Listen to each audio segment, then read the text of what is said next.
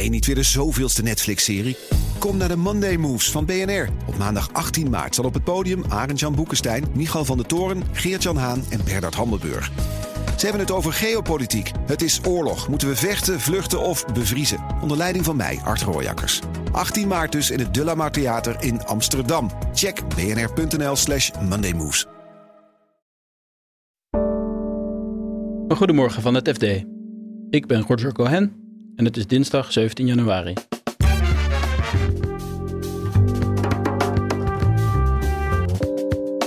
Er is een hackerscollectief dat cruciaal is voor onze veiligheid, maar dat geen onderdeel van de overheid mag worden. De minister heeft gezegd, dat kan niet, want dan, gaan zij, dan worden ze overheid en dan mogen ze allerlei dingen niet doen die ze nu wel mogen doen. Dus dan zouden ze ineens vleugellam zijn.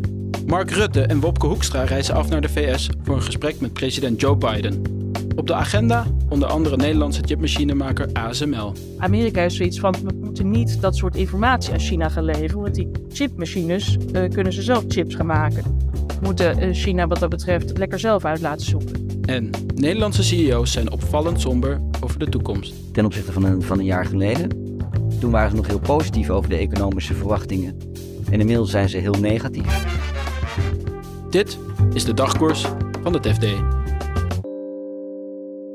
Ja, dit is een, een hele bijzondere club uh, vrijwilligers. Ik ben met, uh, met mijn collega Ardy Vleugels samen op bezoek geweest bij uh, het, nou ja, de directie van deze club. Het klinkt een beetje zwaar voor zo'n vrijwilligersclub. Dit is tech-redacteur Jan-Fred van Wijnen. En die club vrijwilligers waar je me over hoort vertellen, dat is een groep hackers die een cruciale rol speelt bij de nationale verdediging tegen cybercriminelen. In de hele wereld sturen ze signaaltjes naar servers, naar internetsystemen, om te kijken of die kwetsbaarheid daar is. En als ze dan een signaal terugkrijgen, en dat is bij een paar uh, grote hacks de laatste paar jaar is dat gebeurd, uh, onder meer kwetsbaarheden in Microsoft Exchange, het mailprogramma dat bijna iedereen gebruikt. Als ze een signaal terugkrijgen dat die kwetsbaarheid erin zit, sturen ze direct ook een mail naar iedereen. En iedereen is, ik heb een vergroothandel in verf in Zwolle. Dan krijg je een mailtje van een vrijwilliger van deze groep. Ja, dus, dus bij de IP-adressen die bij die servers horen, zoeken ze dan de, de mailadressen uit. Dat gaat niet allemaal met de hand, het gaat natuurlijk allemaal zo, zo automatisch mogelijk. En dan waarschuwen ze een, een, een, een beheerder van een server dat dat lekker zit en dat er een manier is om het te dichten. Hè? Want meestal hebben de softwareleveranciers daar al een, wat ze noemen een patch voor, een labmiddeltje. En na een tijdje doen ze het weer om te kijken of er wel naar ze wordt geluisterd. Want soms worden die mails helemaal niet opgepikt. Of bedrijven denken, wat is dat voor een club? Uh, volgens mij zijn het hackers, we reageren mooi niet, want anders uh, trappen we erin. Uh, en dan moeten ze weer even uitleggen wie ze zijn. en ze zijn echt een serieuze club. Ze zijn zo serieus dat de minister van Justitie in de Kamer zegt... deze club is onmisbaar geworden in de, de online verdediging van, van Nederland. En waarom kan de overheid dit niet gewoon zelf doen? De overheid is aan allerlei regels gebonden als ze uh, digitale huisvredebreuk uh, plegen. Dat mag, mag alleen, dat mag alleen opsporingsdiensten. en dat mag niet bij dit soort, ja, gewoon algemeen polsen bij websites zijn ze veilig. Want in feite dring je wel binnen.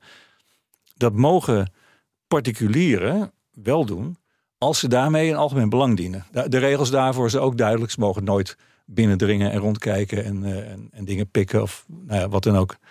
Als je daar binnen bent. Maar ze mogen wel dus kijken, is die beveiliging in orde? Waarbij ze toch wel een signaaltje sturen naar zijn server waarbij ze in feite binnendringen. Dus technisch heet het hacken. Zij doen dat.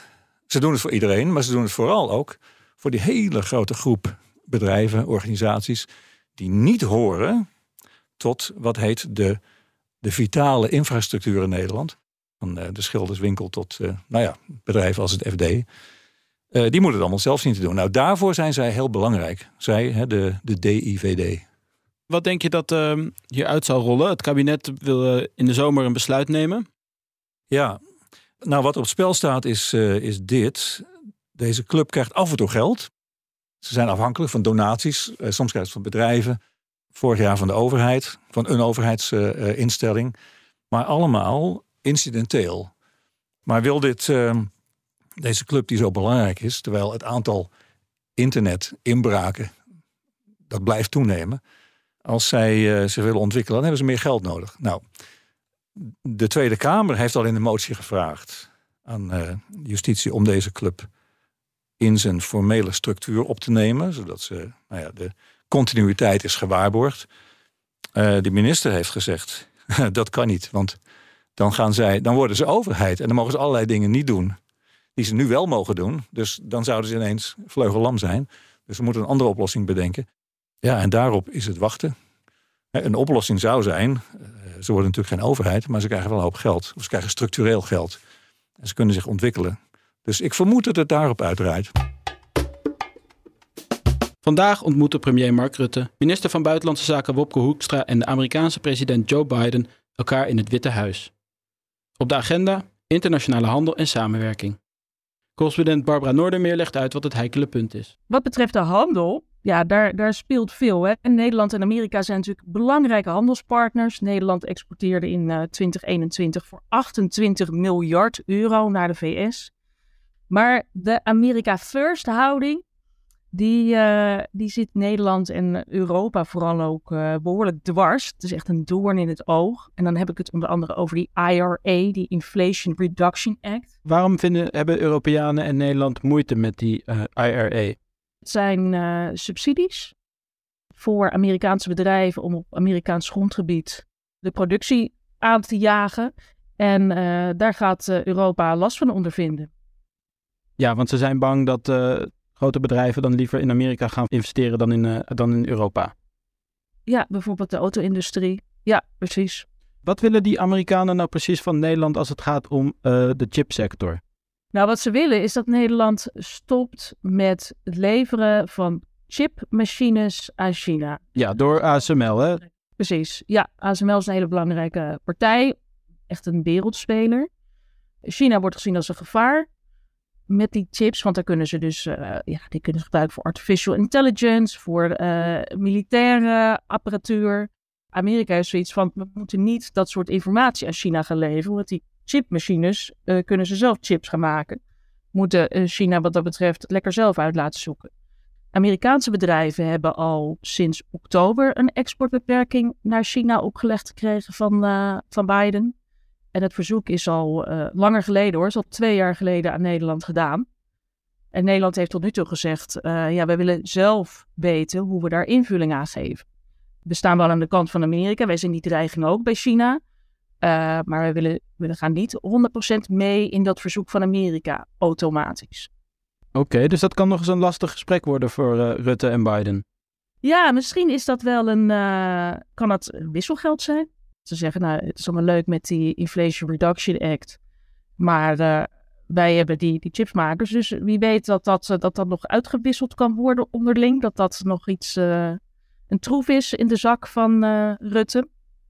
Voor Nederland is dit een, een nou, toch een belangrijk bezoek in Washington. Maar liggen die Amerikanen nou wakker ervan als een Nederlandse premier bezoek komt? Het eerlijke antwoord is dat dat wel een beetje meevalt. Ah, waar merk je dat aan? nou, daar merk je aan dat, dat, dat, dat het niet de. Het zijn geen voorpagina verhalen. Terwijl het bezoek van Rutte aan Biden in Nederland wel een voorpagina verhaal is is dat andersom we niet meteen een voorpagina verhaal. Amerika is natuurlijk gewoon altijd ontzettend met zichzelf bezig, vindt zichzelf vreselijk belangrijk. En ja, Nederland is in verhouding maar een klein spelertje. Maar Nederland wordt wel serieus genomen. En dus is zeker Amerikaanse pers ook bij morgen. Ik heb zelfs begrepen dat de verhoudingen 50-50 moeten zijn. Dus uh, als er drie Nederlandse cameraploegen binnen zijn, dan zullen er ook drie Amerikaanse cameraploegen binnen zijn.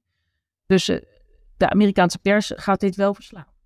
Ja, jij hebt je ook aangemeld voor het bezoek. Uh, wat ga je vragen aan uh, Mark en Joe als je straks uh, voor ze staat in de Oval Office? Ja, wat zal ik eens vragen, Roger? Ja, waar moeten we beginnen? Waar moeten we beginnen? Er is zoveel, ja. Ik, ik, ben, nou, ik ben zeker hè, vanuit het FD benieuwd naar, naar die chipmachines en die exportbeperkingen. Dus daar, daar ga ik absoluut wat over roepen. Hopen dat ze antwoord geven in ieder geval. Precies, ja, want dat, dat is altijd een leuk spel, hè? Dat dan uh, die meeting is geweest. Kijk, je moet je voorstellen, zo'n zo'n gesprek op dit niveau tussen de president van Amerika en een premier van een land of een, een regeringsleider van, van een buitenland. Zit een hele lange voorbereiding aan. Het is niet dat ze nu in één keer daar uh, thee gaan drinken en uh, dat is de eerste keer dat ze het over dit soort onderwerpen hebben. ambtenaren van beide landen, ambassades, uh, ministeries, die zijn hier al heel lang mee bezig en, en de onderwerpen helemaal met voorbereid. Is wat dat betreft echt een, een, een hamerstuk, zo'n bezoek. En Nederlandse CEO's zijn opvallend somber over de economische verwachtingen. Dat blijkt uit een groot onderzoek door advieskantoor PwC. Martijn Pols volgt voor het FD accountants en advocaten. Hij vertelt waar die CEO's zich druk over maken. Belangrijkste punt is toch inflatie. Dat is, nou ja, bijna de helft van de, van de CEO's zegt zich daar zorgen over te maken. En dat is eh, veel meer dan, uh, dan een jaar geleden. En ook de economische volatiliteit, en die hangt nauw samen ook met, met de geopolitieke instabiliteit. Dat zijn de twee andere grote zorgpunten. En dat heeft natuurlijk te maken met uh, de oorlog in de Oekraïne en de ja, economische gevolgen. Met name ook voor, uh, voor de energieprijzen. Ja, dus die ondernemers zien hun kosten flink oplopen. Betekent dat ook dat ze bijvoorbeeld uh, mensen gaan ontslaan om kosten te besparen? Ja, dat is een van de opmerkelijke uitkomsten van, uh, van het onderzoek dit jaar. Uh, PwC noemt dat zelf ook uh, atypisch. Normaal gesproken pakken ze dan de, de hakbel als het slecht, slecht weer dreigt te worden om, om vooral te gaan reorganiseren en nou ja, de, de massa-ontslagen aan te kondigen. dat doen ze nadrukkelijk deze keer niet. Althans, geven ze aan. Het is natuurlijk een enquête, dus je, maar de vraag of dat misschien later nog komt. Maar op dit moment is dat niet de belangrijkste methode om, om deze economische crisis te lijf te gaan. Ze kiezen ervoor om de prijzen te verhogen. Uiteraard wel op kosten te besparen, maar zeker niet op, op medewerkers. Ze zijn bang dat die anders die behouden kunnen blijven? Ja, een belangrijkste punt van, uh, van dit huidige economische klimaat is dat de vooruitzichten weliswaar somber lijken, maar op de arbeidsmarkt de krapte gewoon nog heel groot is. Wat je ziet is dat er al tijden in meerdere sectoren tekort aan arbeidskrachten is. Nederland is nog steeds historisch laag met zijn werkloosheid. En het aantal vacatures wat open staat is nog steeds heel hoog. Dus een van de grote zorgpunten is, is daarom ook het behoud van mensen. En een van de laatste dingen die mensen dus doen is het, is het bevriezen bijvoorbeeld van, van vacatures of het laat staan het verlagen van salarissen. Integendeel, een van de belangrijkste zaken om dit probleem aan te pakken is het verhogen van de salarissen. Om aantrekkelijk te blijven voor, voor die medewerkers die, die je wel wil houden.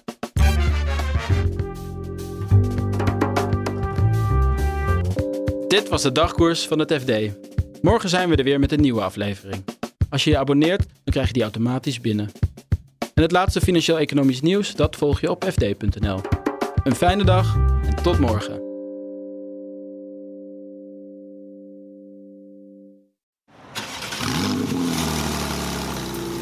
De toekomst roept. Minder CO2. Lies je mee? Dit is het moment om te kiezen voor de Tesla Model 3, Toyota Pro-Ace Electric of Volkswagen ID3. Uitstoot verminderen doe je samen met mobilityservice.nl.